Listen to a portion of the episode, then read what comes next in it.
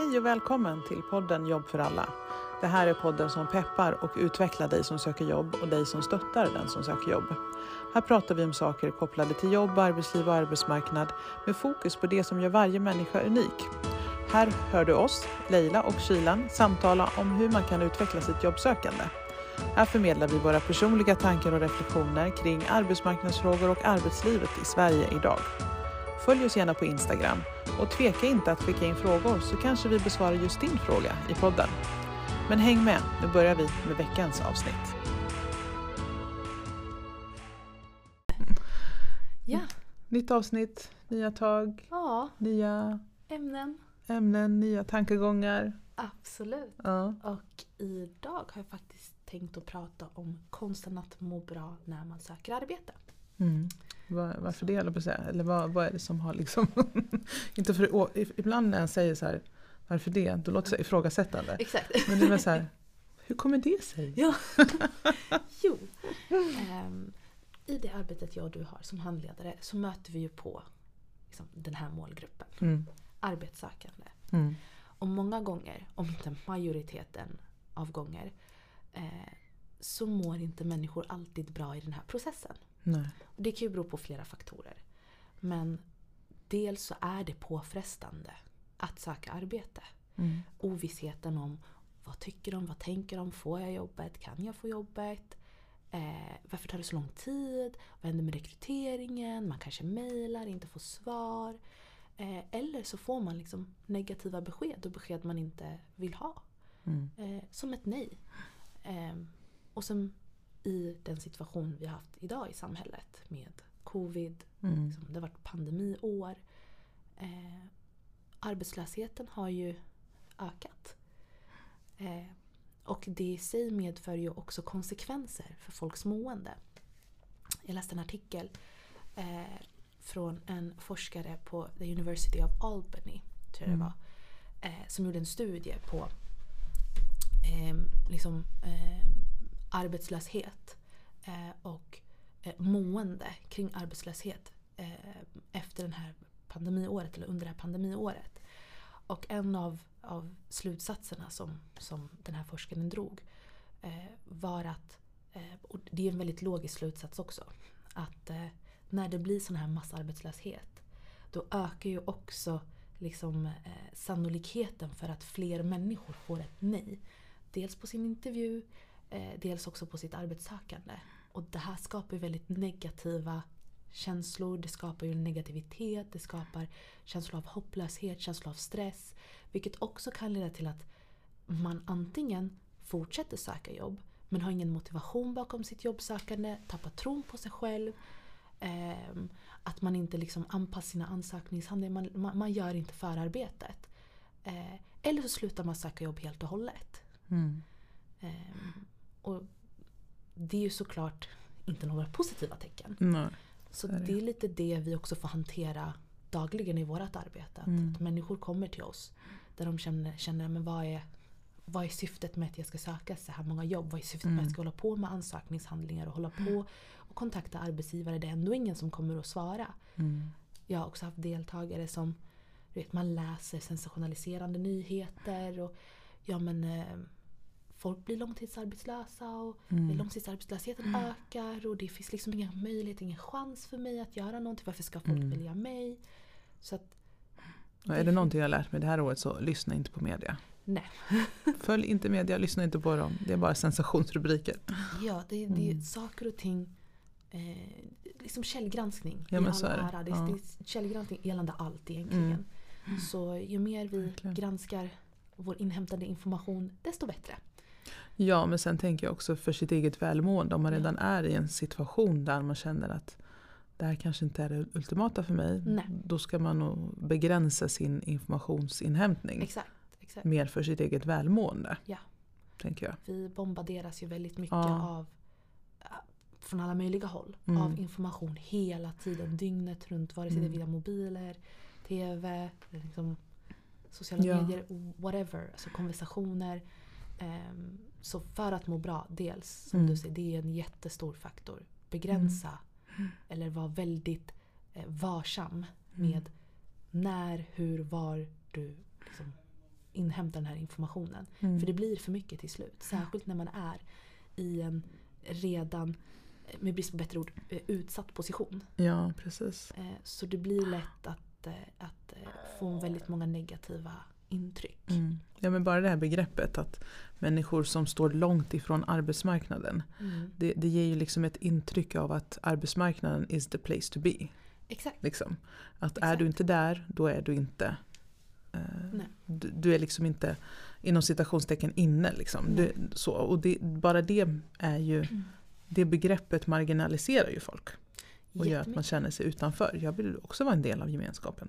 För det är ett grundläggande behov vi människor har. Vi vill vara en del av gemenskapen. Ja, men det finns biologiskt inom oss. Exakt. Vi är flock, flockdjur. Exakt. Vi är inte till för att vara ensamma. Nej. Eh, och är man utanför en normativ situation Mm. som liksom, arbetsmarknaden, du Mm. har ett jobb, det tillhör det här allmänna, det här ska du ha. Precis, exakt. Hamnar man ut, utanför Ja. det, då blir man i en position av avvikelse. Du, är- du är Ja. avvikande från den normen som vi har satt för produktivitet. Mm, och jag skulle vilja påstå att det är egentligen det som är det största problemet Ja. för de flesta. Utöver det här ekonomiska, rent Ja. ekonomiska, att hur ska jag betala mina räkningar liksom.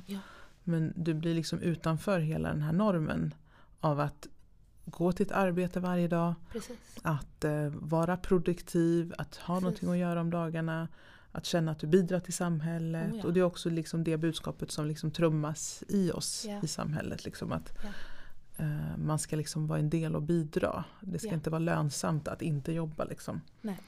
Ehm, så, så det i sig är ju någonting man matas med. Att det här är vad, vad samhället har bestämt. Att så här ska vi spendera våra dagar i livet. Liksom. Precis. Så det, det i sig behöver man ju ifrågasätta tänker jag. Oh ja. Till att börja med för att man ska må bra. Inte för Mm. att ifrågasätta systemet. Nej. Eh, nej. även om man kan göra det också om man vill. Men Självklart. då blir det lite svårt att försörja dig om Ja, du behöver det. Det, det blir lite svårt. Ja, så att man får ju välja sina strider. Men jag tänker att man bör, bör liksom titta på de här tankemönstren. Mm, Vi mm. har ju varit inne på det i självledarskapsavsnittet. Liksom. Ja, Ja. ja. Och det är det här med självledarskap, empowerment, att Mm. må bra. Eh, Allt det går i hand, hand i hand. Mm. Så vi kommer liksom toucha på de ämnena Verkligen. i flera avsnitt. Mm. Men jag vill också påpeka att vi, vi särskilt i Sverige, vi, vi, vi har en, en syn på produktivitet. Mm. Att mm, är du en del av samhället, då ska du också vara en producerande del av samhället. Och allting som inte är en producerande del av samhället, det ligger lite utanför. Och jag upplever det som ett väldigt svenskt sätt att också tänka. Vi värdesätter. Men det är det Arbete. lutherska tänket. Ja, Ja. ja, vi värdesätter arbete. Kollar Mm. man liksom, det är klart att andra länder också värdesätter arbete, det är inte det. Men Mm. arbete blir så ehm, inte bara viktigt för försörjningen, det är, det är den praktiska delen. Självklart behöver vi liksom en ekonomi. Mm. Men för värdet i oss själva så, så blir produktiviteten en del av vårt, vårt egenvärde. Mm. Kollar man på länder där de har en annan syn på produktivitet, exempelvis att jobbet, livet kretsar inte kring jobbet. Ehm, utan du har ett liv och sen så har du en försörjning. Ja, lever du för att jobba eller jobbar du för att leva? Exakt, Mm. exakt. Precis, det, Och- det. Ja. Så det, det är väldigt många faktorer man behöver ta, ha i åtanke Mm. eh, för att kunna förstå att du behöver en, en, ett hälsosamt arbetssökande.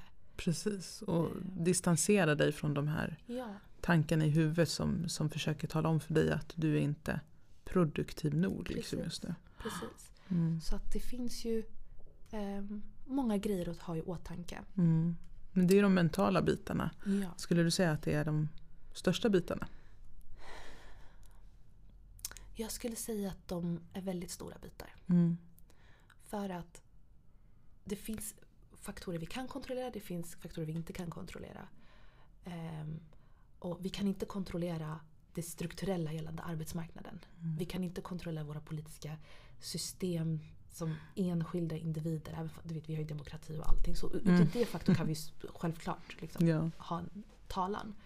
Men ingenting som ger effekt här och nu. Ingenting som är effekt här och nu. Mm. Så då behöver vi titta på vad är det vi kan kontrollera? Jo, vi kan kontrollera, som vi var inne på förra avsnittet också, mindsetet. Mm. Vi kan kontrollera vad vi gör utav situationen. Även om det är svårt ibland att faktiskt göra någonting utav den. Mm. Om du förstår vad jag menar. man kan må så pass dåligt och ha så mycket ångest över sin, sin arbetssökning att man inte orkar. Och det är också helt okej. Det är helt okej att må dåligt för det är en omfattande process. Mm. Och jag upplever att många, alltså det, det blir som att eh, den här känslan av att, eller den här ångesten också föder ångest över att man har ångest. Ex- ja, det, så är det. Och, Och det- skamkänslor Och också. skamkänslor. Ehm, och i vårt jobb så behöver vi vara extra tydliga med att det är inte skamligt. Nej. Det är inte skamligt att du har förlorat ett jobb eller du inte haft möjlighet till ett jobb eller du har haft en livssituation som inte möjliggjort en, Mm. en långvarig sysselsättning. Nej. Eh, utan det är okej. Eh, det är jobbigt men din situation, eh, det, det är inte liksom ditt fel och du ska bli beskylld för det. Det är väldigt farligt att, att ha den inställningen gentemot människor som kommer och söker hjälp hos en. Mm. Utan här behöver man arbeta motiverande. Här behöver du arbeta med vad har du för möjligheter? Okej, här är din situation. Nu pratar jag så här 100 kilometer i, i Mm. timmen typ. Mm. Men vad är din situation? vad är ditt mående? Vad känner du att du orkar att göra? Och det här är det som krävs av dig att göra. Men så här kan vi anpassa de här kraven utefter din situation. Mm. Så att den här dialogen med liksom din deltagare, särskilt i vårt arbete, det är så viktigt. För att de ska må bra. Men när man har en deltagare som, som uppenbart eh, inte mår bra. Eh, det kan ju vara andra faktorer. I, Oh ja. vissa fall så kan det vara personer som har en lång sjukdomshistorik. Men om vi, om vi tar liksom normalfallet, en person som mår dåligt över sin arbetslöshetssituation. Då. Mm. Mm. Vad skulle du liksom... Vad, vad, vilken ände börjar man? Dels, alltså, när, när, jag, när jag börjar, då vill jag, då vill jag att deltagaren själv ska sätta ord på sin situation. Mm. Jag tycker det är väldigt viktigt. Att jag inte blir den som bara Aha, det är så här du har det. Det är jätte... För mig, känner Mm. jag i mitt arbete, det, det skapar ingen tillit. Utan jag uppmuntrar mina deltagare att själv sätta ord eh, på, sina, på sin situation. Mm. Eh, och då också är stödjande i att, att, att sätta ord på sin situation. Så de får formulera sin behovsbild. Mm. Jag intar den inlyssnande inställningen. Och det där i sig skapar ett aha, okej, det finns en person som faktiskt lyssnar på mig. Och mitt mående och min situation tas på allvar. Mm. Otroligt viktigt för egenmakten som vi pratade om förra, Exakt, i förra ja. avsnittet. Det går så mycket eh, Ja. hand i hand. Mm. Men också därefter att okej, jag har hört dig, jag hör dig, det här är en trygg plats. Eh, liksom vi tar dig på allvar. Märker man att en, en, en persons situation är för omfattande, då måste vi också veta vilka instanser vi ska vända oss till. eller hjälpa dem att vända sig till. Mm. Så kunskapsinhämtningen eller kunskapsdelningen blir också jätte, jätteviktig. Och det är okej för oss att erkänna att jag hör dig, jag Mm. ser dig, jag har inte verktygen för att kunna hjälpa dig på bästa sätt. Jag hjälper dig med det här, Mm. men jag kan hjälpa dig hitta personer, instanser, verktyg som du kan använda dig utav. Mm. Så det här är någonting vi också behöver vara pålästa kring. eh, Ja men precis, och tipsa. Det, det är bra för oss att ha kännedom. Det som jag tycker däremot är svårt är just att komma över den här tröskeln och skammen över att behöva söka hjälp. Ja, För oftast handlar det om, om mentala saker Ja. eller psy- psykisk liksom, Oh ja. eh, ohälsa. Eh, som, det behöver inte vara några stora grejer men Nej. just att bara behöva prata med någon. oh ja. Eh, att det är liksom en tröskel för vissa att gå Absolut. över. Nej men jag behöver inte det, jag behöver bara ett jobb så kommer allting ordna sig. Liksom. Och det, det är en farlig väg att gå tycker jag. Jättefarlig. Det, jag, jag har alltid varit av den, den, eh, den eh, tron och tanken att mår jag dåligt då behöver jag prata med någon. Liksom. Ehm, för det, det, ja, jag hör, lyssnade på en, på en podcast bara häromdagen Mm. eh, där de pratade om just det och det var ändå ganska unga tjejer liksom, som Mm. pratade om att eh, där en av tjejerna berättade att hon hade sökt, pr- pratat med en psykolog under våren och, och kände skam över att hon ens behövde säga det. Liksom. Mm. Och det, det är ju så det ser ut i samhället idag. Att det är skamligt att prata om sin ohälsa. För då Ja. är du inom citationstecken misslyckad. Liksom. Ja. För du är inte stark som alla andra. Nej. Men det är ingen som är stark, det är bara, bara fasader. Ja, och sen stark, alltså begreppet stark det har så, det, Mm. det har så olika definitioner. Mm. Och jag tror att, att, att språkbruket, jargongen kring psykisk ohälsa, Mm. att det hela tiden behöver, alltså tabustämplingen Mm. på psykisk ohälsa relaterat till vad som helst. Mm. den tabusten måste arbetas bort ytterligare. Mm. Även fast vi har kommit en viss bit. Det är fortfarande jobbigt för folk att säga nej men jag, jag har behövt prata med någon professionell. Mm. Eller ens komma till insikten att men jag kanske behöver prata med någon om mina, om mina problem. Mm. För börjar man säga vissa saker och ting högt, då blir det för verkligt. Mm. Ja men så är det. Det, Mm. det, det skapar ju också i sin tur mer skuld, skam Mm. ehm, och så. så att, Och det, då, Ja. då blir det liksom du, dubbeltrauma eller dubbelstigmatisering. Och en, oh ja, Dels så står jag utanför arbetsmarknaden. ja, Eh, kanske till och med långt ifrån arbetsmarknaden. precis. Bara det är en stigmatisering. precis. Och sen nästa stigmatisering behöver se sanningen i vitögat och inse Ja. att oj, jag lider av psykisk ohälsa, jag behöver prata med någon. Ja. Alltså det är jättehög tröskel att ta sig över. Det är jättehög Ja, tröskel. och då behöver man ju prata mer om det, hur vanligt det är. Ja. Det, Och normalisera det. ja men precis. Och det gör ju alltså vi som har en viss auktoritär ställning Mm. eller en viss position gentemot liksom, de arbetssökande, om man ska relatera det till, till Mm. arbetssökande. Vi behöver vara en röst av det här normaliserandet. Mm. Att det här möter vi på i vårt arbete. Det är jättevanligt att man kan må dåligt och Mm. det är liksom helt normalt. Eh, vi hör det, vi ser det, bekräfta deras känslor. Låta deltagarna få sätta ord på sina situationer. Mm. Men också vara försiktig med att pusha dem för mycket. Ja. Det, fin- Det- måste det- finnas någon form av, av, av balans i det. Mm. Men det är ju svårt att veta var den gränsen går om man inte är liksom utbildad. Så Ja. ibland så kan det bli så att eh, Men samtidigt behöver man ju Ja det är svårt, det är en balansgång det där. Jättesvårt. Eh, jag, jag vet, jag hade en, en, en kollega som pratade med en arbetssökande Mm.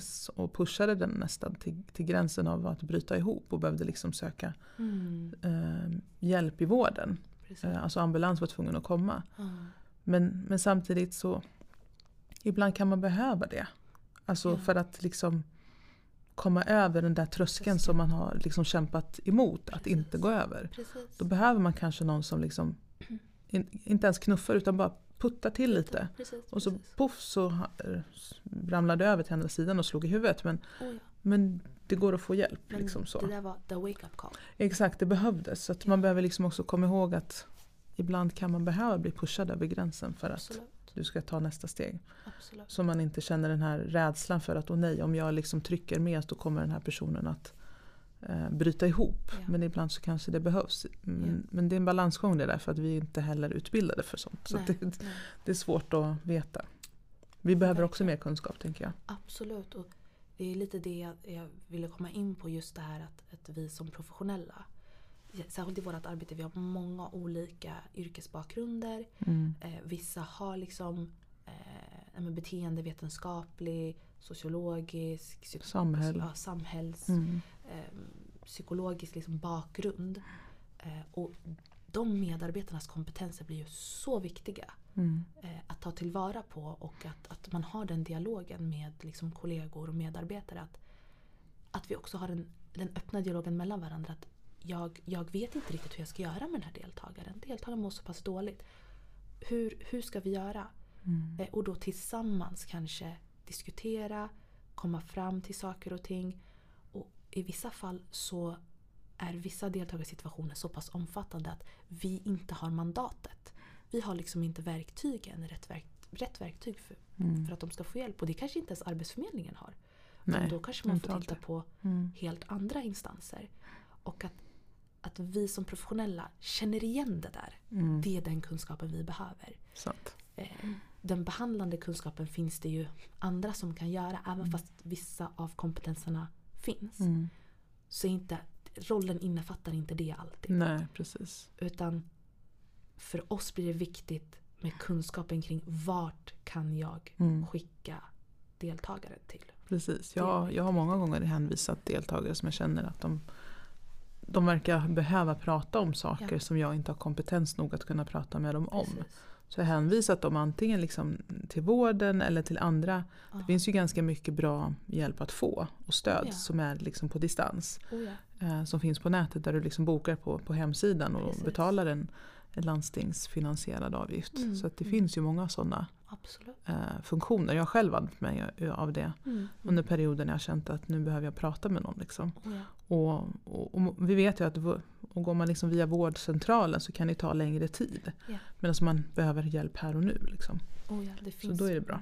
det finns ju som du säger många olika Mm. distansbaserade verktyg man kan använda sig av. Mm. Så att för oss i, i vår roll blir det väldigt viktigt att kunna slussa deltagaren till rätt instans. Mm. Den kunskapen är någonting vi måste fortsätta att, Mm. att utvecklas i. Så att som ni, som ni hör så finns det en hel del Mm. saker att, att eh, ta tillvara på. Mm. Men det, det mentala välmåendet är jätteviktigt att jobba med under en sån här process. Liksom. Mm, Och för oss som handledare behöver vi vara ett stöd i den processen. absolut. Och kunna lotsa dem rätt när vi inte kan Självklart. hjälpa dem. Självklart. Mm. När, när du har varit arbetssökande Lila, Mm. och så, hur, hur har du hanterat liksom, mående när du har varit mest, som mest frekvent arbetssökande? tänker jag? Jag har inte haft så jättemånga perioder där jag har varit arbetslös. Mm. Eh, Det har varit kortare perioder. Ehm, Jag har jobbat 15 år, eh, haft en anställning i 15 år. Så av förklarliga skäl så min, innan dess så pluggade jag. Ja. Ehm, Så att mina arbetslöshetsperioder var direkt efter gymnasiet. Mm. Och sen eh, under en kort period efter när jag slutade på Arbetsförmedlingen. Mm. Om man nu kan kalla det för att vara arbetslös. Men då var jag liksom utan arbete Mm. eller anställning. Ehm, så, så, så det skiljer sig från den senaste perioden från den för, första perioden. För då var jag så pass ung. Mm. Jag hade liksom inte byggt upp någon identitet kring arbete. Eller liksom byggt upp någon reflektion kring det här med arbete. Utan arbete för mig då var någonting man gick och skaffade sig. Mm. Mm. Ehm, det var inte fullt så enkelt som jag trodde. Men Nej. jag var inte heller så engagerad. Nej. Det var liksom ingen, jag visste inte vad jag ville göra. Jag visste inget, alltså så. Mm. Och jag bodde hemma med föräldrarna så jag Mm. hade ingen panik heller. Nej. Utan kunde liksom, jag hade tid att bestämma själv vad jag ville göra med mitt Mhm. liv. Mm. Eh, men, men fast forward massa år framåt då, när jag slutade. Då, var, då, då insåg jag hur mycket jag hade identifierat mig själv med arbete. Mm. Eller med Mm. anställning och den yrkesroll jag hade. Mm. Så där gick jag in i en period av att liksom avidentifiera mig själv. Mm. Att liksom, jag, jag förstod inte hur, eh, hur nära förknipp, hur, hur tajt förknippad jag var med det. Eh, så det var en identitetskris för mig. Vem är jag nu liksom? Mhm. Och jag tror att väldigt många arbetssökande, speciellt efter pandemin, eh, fann sig i en sån situation där man kände att men vem är jag nu om jag inte har det här jobbet längre? Jag har fått gå för att det är arbetsbrist eller för att det, mm, de har fått lägga ner eller vad det nu kan vara. Ehm, så. Och, då, eh, och det, så den, den känslan av vanmakt, liksom, att vem är jag nu? Eh, oavsett orsak, om det är för att man själv har slutat eller för att någon har sagt upp dig eller, eller så. Mm. Så hamnar du i en situation där du inte längre vet vem du är. Och det är en signal om att du har identifierat dig med jobbet. Mhm. Att du har tappat bort dig själv. Mhm. Så då, då såg jag det mer som ett tillfälle att ja, börja, upp, börja upptäcka vem jag är. Mm. Eh, och det, det är väl mitt råd till den som är arbetssökande. Att börja upptäcka vem är du? Eh, du, du behöver inte eh, ett jobb för att liksom ha ett värde.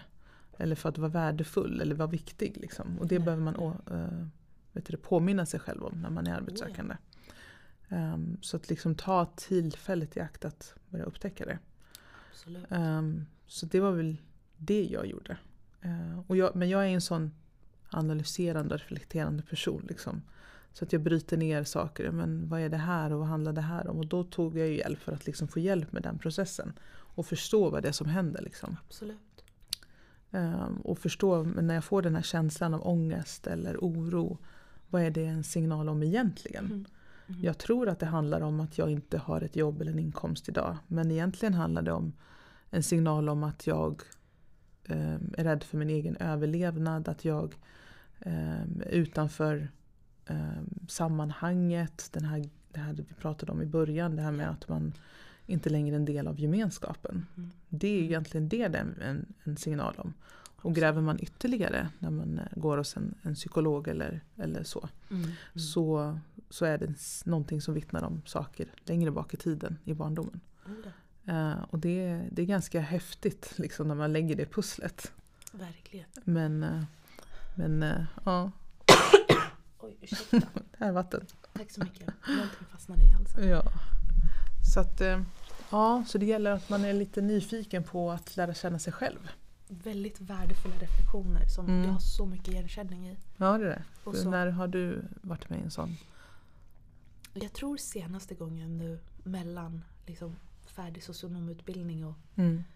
att söka jobb. Mm. Att, för när jag, när jag slutade plugga första gången och skulle söka jobb på eh, vad heter det? Läkemedel, inom läkemedelsbranschen och Mm. vård och sånt där. Jag var så pass ung att för mig var det så här, ah, jag skickar någonting bara. Alltså, det, precis som du, jag, jag reflekterade inte över någonting på det sättet. För att jag visste mer vad jag ville göra efter gymnasiet än vad jag visste Mm. efter universitetet. Vilket är jättekonstigt men Mm. det var så det var. Ja. Um, hamnade jag av en slump där jag, där jag jobbade några år. Och sen så pluggade jag socionom. Och det var under den utbildningen som jag verkligen började reflektera över. Men vem är jag? Och vad vill jag? Jag har gjort en, en omskolning, en annan resa. Det finns ju en orsak till det. Så hur ska jag förverkliga Mm. det här målet på bästa sätt? Och allt jag ville göra var, att vara, var just att vara behjälplig. Eh, in, I någon form. Och vara med på en resa eh, som, som personer gör i, i Mm. Livets olika skeenden. Så att eh, för mig kom det ganska nyligen. Ehm, och så. Eh, och då försöker jag inte att... För jag har också många gånger definierat mig själv som mitt arbete. Mm. Det är på gott och ont. För att såklart vill man ju vara engagerad och passionerad kring det man gör. Men det kan bli så fel för då kan man börja förknippa sin identitet med det man gör. Och ens identitet med det man gör är två helt olika grejer. Exakt. Jag är Kilan utanför allt det Mm. pluggiga. Mm. Med brist på bättre... Ja. Det är inte ens ett ord men ni vet vad jag menar. Ja. Jag, jag är någon annan utanför yrken, karriärer, allting. Jag, Mm. jag är fortfarande en, en separat identitet. Ja. Och den behöver jag värna om. Så för mig är det fortfarande en, en resa. Och jag är en person som strukturerad. Jag skriver upp allting. Jag Mm. visualiserar allting. För för mig är det lättare att bocka av på en lista. Än vad det är att hålla det abstrakt i huvudet. Även om Mm. jag kan klara av att prata väldigt mycket abstrakt. När det kommer såna här grejer. Då måste jag konkretisera så mycket som möjligt. Mm. För att inte tappa tron på mig själv. Mm. För når jag upp till mina delmål då är jag ett steg längre på vägen. Mm. Men det låter som att du hittat en bra strategi för dig själv. Ja, Hur du ska göra för att liksom... oh ja. Och just att skriva ner är ju ett, ett tips som återkommer Mm, mm. eh, väldigt mycket. Att skriva ner liksom. Jag har ju Mm. skrivit mycket dagbok. Eh, Ja. Alltså liksom, eller journaling eller om man nu Mm, vill vara mm. lite modern.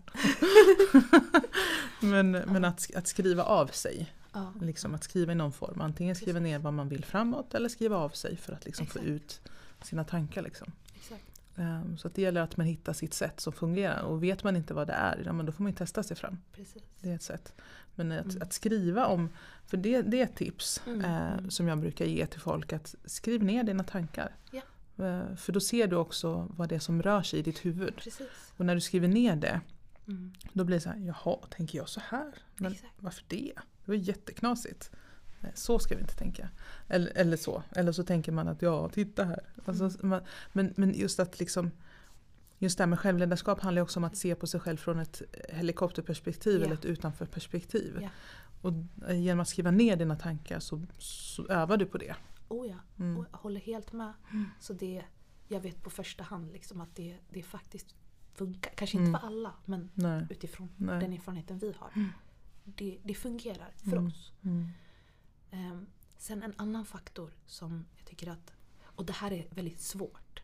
ehm, och lättare att säga och, och svårare att göra. Liksom. Mm. Men att man försöker att vara snäll mot sig själv i den här processen. Ja. Det är, man har så höga krav ibland på sig själv och kan ibland tala till sig själv. Prata om sig själv på ett Mm. sätt man aldrig skulle prata om någon annan. Nej. Och ha vissa krav på sig själv som inte är realistiskt. Eh, Och då menar jag inte alltså, jag vill ha ett sånt här arbete. Det är inte sådana krav. Utan hur aktiv du ska vara. Hur, eh, att man bestraffar sig själv om saker och ting inte fungerar som, Mm. man, som man vill eller ska. Det, hela Mm. den där biten är så himla nedbrytande. Och det skapar ingen, ingen förbättring i arbetssökandet om man Mm. bestraffar sig själv. Om man, inte behandlar, alltså om man inte är snäll mot sig själv i processen. Så att om man drar ner på kraven och anpassar sina krav, eh, sina, sina, sin tankesätt dag efter dag. Mm. För att det är okej att inte orka söka jobb vissa dagar. Du är inte mer än människa. Ja, Du måste få ha dagar där du kopplar bort det där, där du Mm. lägger ifrån dig det där. Och det måste normaliseras som att det är okej. Mm. Eh, Jag tycker Försäkringskassan borde införa en sån punkt i sin sjukanmälans, ja, eh, vad det nu tjosan heter. Exakt. Eh, Att ja, men sjuk på grund av psykisk ohälsa eller mental men- utmattning. Liksom. ja, Att man, man måste kunna ha såna dagar ibland. Att man, jag orkar inte gå till jobbet idag. för att det är verkligt. Mm, exakt. Det, det är ett ja. existerande ja. problem. Mm, Och det är verkligt och det är jättemånga som drabbas av det. mm, verkligen. Och att, att tillåta sig själv att kanske inte alltid vara på topp. Mm, Det är okej. Ja. Och vi, jag, jag känner att jag som handledare hela tiden vill förmedla det till mina deltagare. Att du Mm. har skyldigheter, absolut, Mm. här är de.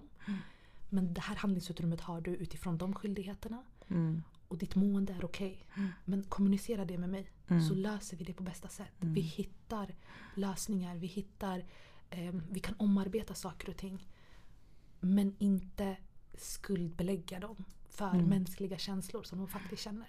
Ja precis och det är det jag alltid haft. Jag, jag har aldrig velat prata med, med deltagare eller arbetssökande i termer av att du måste göra det Nej. här för att liksom uppfylla det här kravet. Eller, Nej. utan det här är liksom förutsättningarna. Precis. Det här är vad som gäller. Precis. Sen bestämmer du själv vad du vill göra. oh ja, Bara du är medveten om konsekvenserna. oh ja. Lägger du handen på plattan som är på, som är på eh, då kommer du att bränna dig. Precis. Alltså så, det handlar bara om att informera och sen så bestämmer du själv vad du vill göra. Liksom.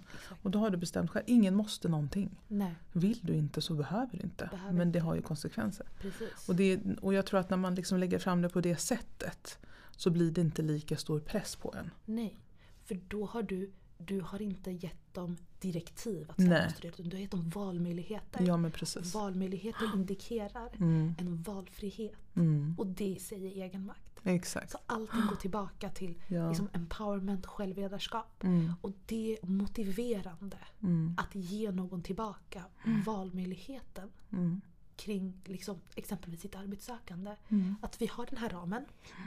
Den här finns. mm, De här möjligheterna har du. De här konsekvenserna finns det. mm, Du har en valmöjlighet. Eh, Sen kan den valmöjligheten naturligtvis styras av deltagarnas egna situationer med ekonomi och, och, och dylikt. mm, Men att presentera det på det sättet det ger ehm, vad ska man säga, flexibilitet mm, för deltagaren. Och man känner sig inte som en duva instängd i en bur. mm. Det var fint. Ja. Du var instängd i en Ja, bur. men lite, lite sådana Ja, du är lite filosof du också. Ja, lite grann. Ja, men jag Ja. tänker just när det gäller att främja hälsan så, så har Ja. ju handledaren en, en viktig roll att fylla där.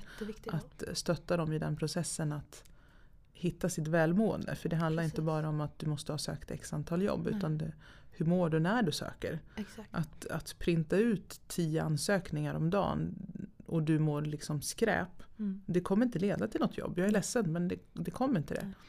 det och har, gör det det då har du maskerat det väldigt väl. Liksom. Ja.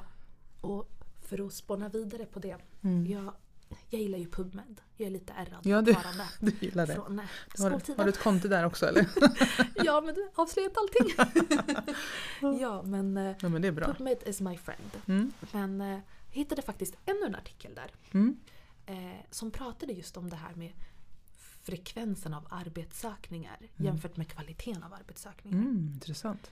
Jätte, jätteintressant. Ja. Men för att sammanfatta det kort så så hittar de, och det finns flera artiklar som säger emot varandra. Vissa håller med, vissa Såklart. håller inte Det är med. så vetenskapen ser ut. Yes. Ja. Det, det, det är det som är kryddan Ja, i visst. den vetenskapliga världen. Ja.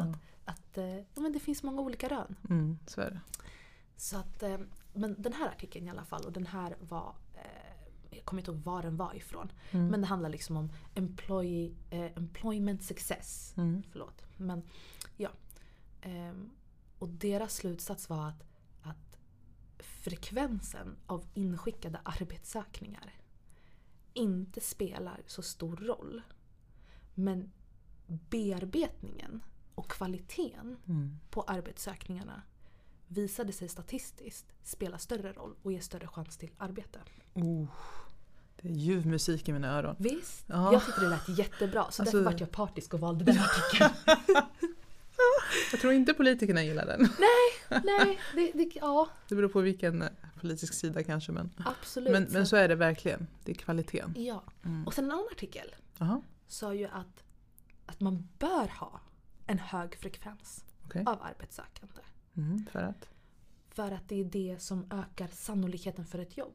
Vilket, om, man, om jag tänker utifrån siffror och så, Mm. låter logiskt. Precis, och då, då, då börjar jag tänka att då har ju den studien kanske, det kanske är en, en kvantitativ studie som tittar mer på sannolikhet ur ett matematiskt perspektiv. Ja. Och det, kan ju, det stämmer ju då. Absolut. Men det bortser ju från alla andra förutsättningar som måste gälla i så fall. Oh ja. Och Mm. varför jag tog de här två Mm. som sa emot varandra. Eh, Och det finns säkert massa forskning som säger emot Ja, de också, två också. säkert. Man måste hålla Ja. källkritiken öppen och, Ja. Mm. och välfungerande. Men varför jag tog just de två är för att, för att visa att även i forskningsvärlden sägs det olika. Mm. Och de här två liksom, slutsatserna, om man kan säga så, de påverkar också mående. Mm. För det är det de talar om i artikeln. Att, Mm. att satsar man, drar man ner växeln lite och satsar mer på kvaliteten i hur man söker jobb. Då kan man också vinna på sitt mående för då, kan, då, då, då har du inte lika hög belastning av att söka jobb. Utan du koncentrerar dig på få saker. Mm. Medan andra säger om du skickar in tillräckligt många jobb under, en, liksom, under en tid. Mm. Då ökar sannolikheten för jobb. Mm. Får du jobb, då mår du inte dåligt. Mm. Så att Mm. det är ett flummigt ämne. Det är det. Det och är det, det. det, det ställer krav på andra faktorer i att förstå vad det är som gör att en person får jobb och en får inte. Exakt. Eh, och, där behöv, och det, är liksom, ja, det får bli en annan pub med eh. Ja. Eller hur? Men det här, det här visar ju liksom hur, komplex, hur komplext det är. Ja, Eh, vad som resulterar till jobb. Men Absolut. också att det finns olika synsätt på det. Ja. Men också att för dig som individ så handlar det om att begränsa din input. mm, Bli, för annars blir den så här, ja men de säger så här och de säger så här. exakt. De säger så här och media säger så här. Alltså det blir för mycket, Det blir för mycket intryck. För precis. mycket information. Ja, och du blir för um, stressad av det. Ja. Och du måste hitta ett sätt som funkar för dig. Mm. Inget av de här sätten kanske funkar. Det kanske funkar med spontanansökningar för dig. Mm. Alltså, Som exempel. Mm. Ehm, så att någonting jag, jag vill att folk ska ta med sig är att lite konkreta saker är en av de bästa grejerna i en process av arbetssökande är att ha en rutin Mm. kring sitt arbetssökande. Mm. För med en rutin kommer också fritid. Och det kanske inte funkar för alla och det, det har man full förståelse för. Men med en rutin, med en, liksom en, en planering av din egen dag utifrån dina egna premisser. Då kan du också lägga ifrån dig arbetssökandet och leva ett, ett, ett liksom normalt liv med hobbyn, med andra intressen, eh, med vila, sömn, träning som är jätte, jätteviktiga komponenter för att kunna må bra och kunna bearbeta sin liksom, situationella ångest. Mm. Ehm, för Mm. arbetssökningarna ska inte uppta 24 timmar av dygnet. Det kommer inte gynna någon arbetssökande överhuvudtaget. Det kommer bara skapa stress och skapa en negativ liksom, anknytning till arbetssökningsprocess. Mm. Och då drar man sig ifrån det till slut. Mm. Ja men det stämmer. Man behöver ha, alltså lite som vi varit inne på, att du måste upptäcka vem är du? Ja. För du, du är inte ditt jobb. Nej. Du, många, många, just det här med när man frågar liksom, vem är du? Eller vad, Mm. Då säger man, ja, men som du, du skulle troligtvis direkt säga jag är socionom. Exakt. Men det är du ju inte. Nej, Det är ditt yrkesutövande. exakt. Eller din utbildning och yrkesinriktning. Men du är ju kilen. Exakt. Du är en annan person liksom. Exakt. Som har det som en del av dig själv. Så. Precis. Så det är det att man behöver identifiera de här tankemönstren man har, återigen, Mm. om sig själv Mm. eh, och, och sina möjligheter. Liksom. Och vem, vem är jag? Vad tycker jag om att göra? Ja. Eh, och, och hitta sätt att... Det, det övergripande temat i allt man gör ska Mm. alltid vara vad får mig att må bra? Exakt. Exakt, man ska leda med det. Det Precis. ska vara liksom Får det, här, ja, får, det mig, får det dig att inte må bra att sitta liksom Mm. vid datorn och, eller telefonen och, och skicka massa ansökningar. Om det inte får dig att må bra, bryt det och gör någonting annat som får Mm. dig att må bra. Sen kan du gå tillbaka. Precis. Definitivt. Det, så att allt du ska göra ska du göras med goda intentioner. Yes. Mm. Och liksom med din, din hälsa, Mm, ditt I välmående. fokus. Alltid i fokus. Mm. Så att ja, Ja, så um, det är väl det vi kan avrunda det. Om man liksom avrundar det med att fokusera på precis. ditt övergripande tema Mhm. eller mål, att må Mm. bra. Mm. Och att eh, begränsa dina intryck så att du inte blir förfärgad och påverkad. Precis. Och var snäll mot dig själv. Ja. Sänk kraven. Mm. Anpassa dina krav dag efter dag. Mm. Och det är helt okej att inte må på topp. Det är helt okej att inte prestera på topp. Mm. Självklart alltid med liksom hänsyn till vilka förutsättningar, ekonomiska Mm. och så vidare man har och familjesituation och dylikt. Men du är inte ditt jobb, du är Nej. du. Precis. Det är det du ska ha fokus på. Mm. Yes. Fin avrundning. Ja, det tycker jag också. Ja, nu ska vi gå och begränsa våra intryck och ta hand om Ja. oss själva. Det ska vi göra. Tack för idag. Tack, tack.